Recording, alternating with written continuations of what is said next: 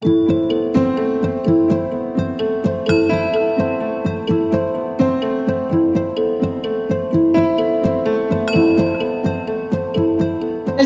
til Akademisk kvarter. Mitt navn er Kristin Aase. Jeg har vært så heldig å ha fått lov til å skrive en bok som heter 'Leder, kjenn deg selv'. Og Det har jeg gjort sammen med Bente Wetland. Jeg har bakgrunn som statsviter, har vært leder i veldig ulike virksomheter. I byråkratiet, i det offentlige, og i humanitære organisasjoner, i politikk, og også jobba kommersielt. Og med bakgrunn i all den erfaringa og en team- og lederutdanning, så begynte jeg som, eh, for meg sjøl som team- og lederutvikler for ti år siden. Og I løpet av år, de åra har jeg vært veldig nysgjerrig på hva er det som skaper god ledelse. Og det har vært også en viktig basis når vi da har skrevet denne boka 'Leder, kjenn deg selv'. Ja. Og mitt navn er Bente Wetland.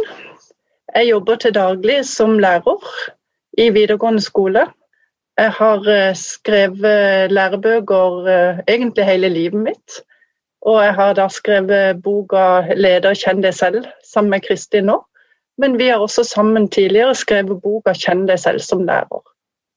Ehm, jeg har bakgrunn som eh, lektor eh, i psykisk helse og har videreutdanning i kognitiv terapi. Og jeg har også da tatt en uh, utdanning innenfor de to verktøyene som boka 'Leder kjenn deg selv' gjør seg nytte av. Uh, gjennom egentlig alle temaene vi tar opp. Men Bent, jeg får lyst til å spørre deg Hvorfor trenger en å kjenne seg sjøl som leder? Er det ikke bare nok å kunne litt om ledelse? Ja, det er jo et spørsmål som har vært diskutert i alle tider. Eh, men det nyere forskning sier, det er at våre nærmeste medarbeidere de kjenner oss uansett.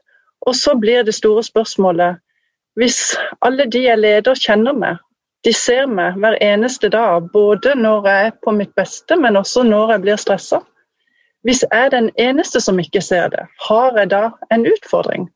Og svaret for min del er ja, da har du en utfordring.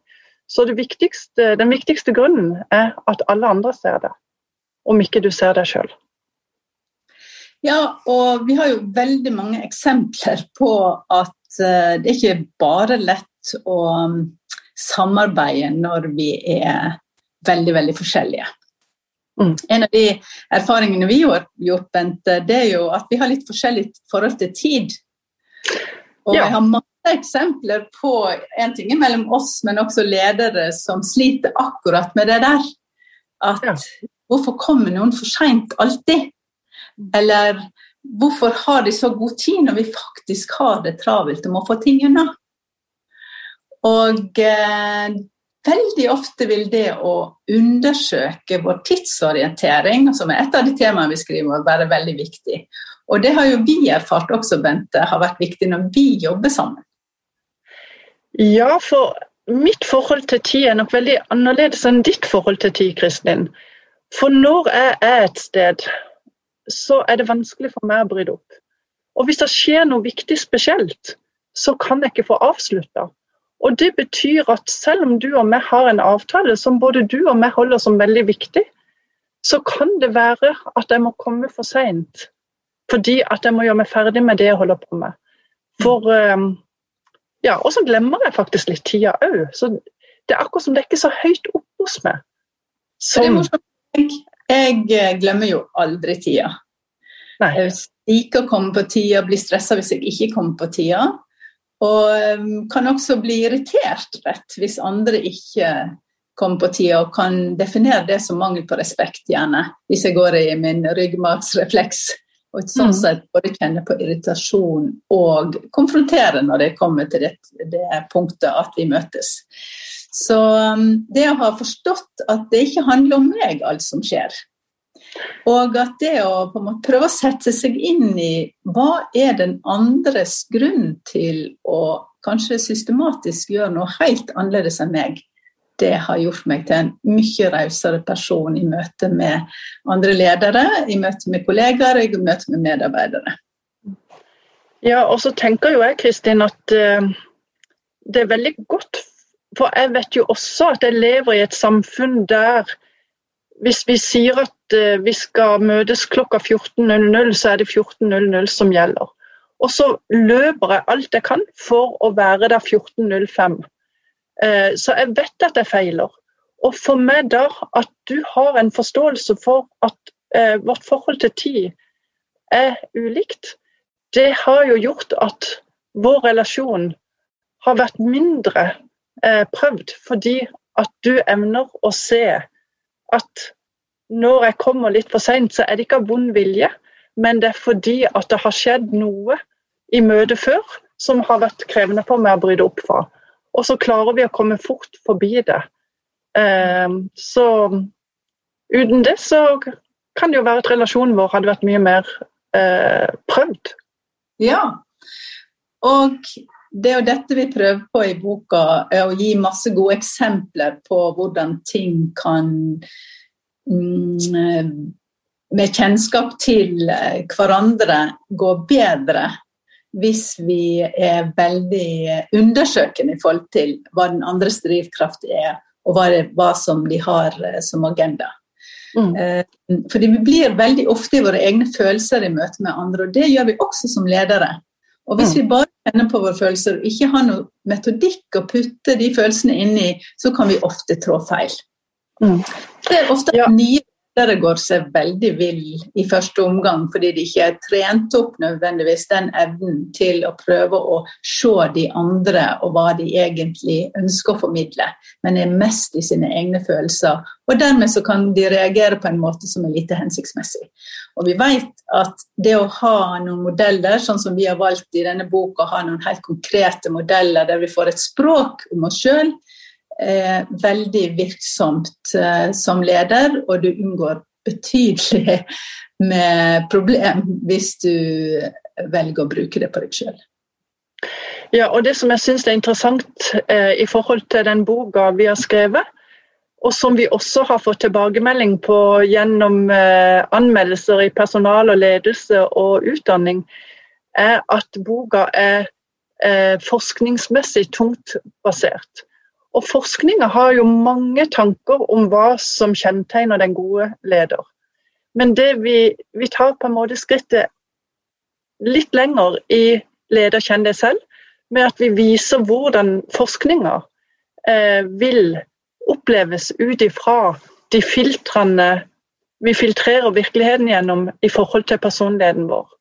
Sånn at forskninga blir ikke bare en oppskrift på hva en god leder, men hvordan skal du Kristin får til å være en god leder, og hvordan skal jeg få til å være en god leder når vi er to veldig ulike personlighetsprofiler?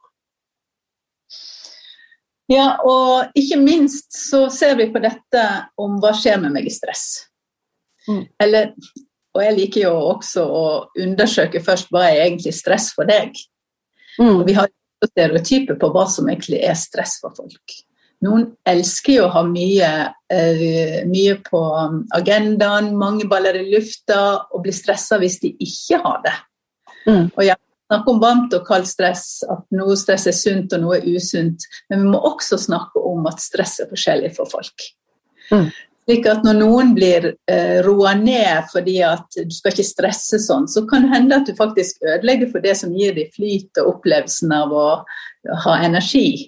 Mm andre kan ha det å agere litt hektisk som sin stressreaksjon. Og det blir du også kjent med i boka. Vi vet jo det at hvis du blir eh, kjenner at pulsen stiger, og det er ikke sikkert du kjenner det engang, men vi vet at hvis pulsen stiger til over 100, så går vi lett i tunnelsyn. Og hvor eh, hensiktsmessig reagerer vi da? Mm. Ja, og dette stresset det melder seg jo på ulikt vis, som du sier. Eh, og stress kan jo også melde seg fordi at eh, medarbeidere vi har, eh, opplever en situasjon, en utfordring, veldig annerledes enn det en opplever det sjøl. Vi har snakka om tida, men eh, det er mange ulike elementer som kommer inn som kan skape stress hos hverandre fordi at vi er ulike. Og jeg tenker jo at Nei, jeg tenker jo at du som type, Kristin, eh, du eh, har jo en mye eh, tydeligere lederprofil. Altså du er lengre fremme i skoene enn det er i min lederprofil. Mm. Ja, altså Det er lett for meg å være direkte og tydelig. Ja. Men jeg har kjent at i fallgruven for det så kan jeg jo bli litt overtydelig og kanskje også oppleve litt eh, hva skal jeg si, dominerende. Eh, noen kanskje også meg sint når jeg egentlig opplever meg sjøl som engasjert.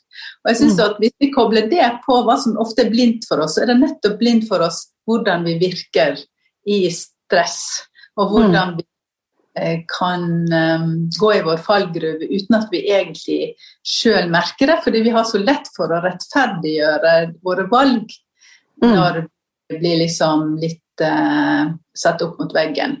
Uh, opplever at vi ikke når fram, f.eks. Mm. Ja, og, og, det som jeg tenker er interessant, og som vi benytter oss av som modell i boka, der benytter vi oss av en modell som heter kjernekvadranten. Og at vi alle har eh, en sånn kjernekvalitet som gir oss overskudd av energi.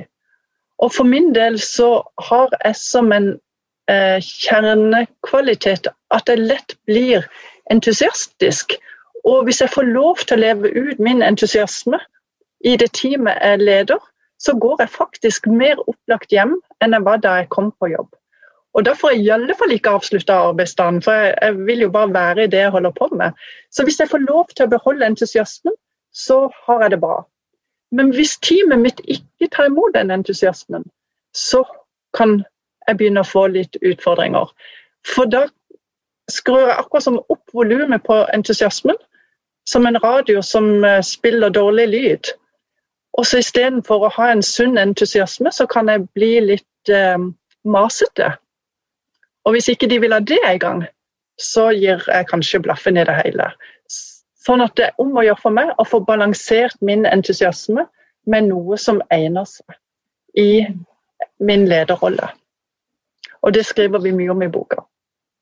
Og det kan jo også være litt blindt for oss, faktisk. Akkurat mm. dette at, uh, og det å oppøve evnen til å reflektere rundt oss sjøl og um, hva som skjer med oss i ulike situasjoner, vil uh, være med på å skape en bevissthet som gjør det mulig for oss å endre kanskje måten vi handler på i noen situasjoner.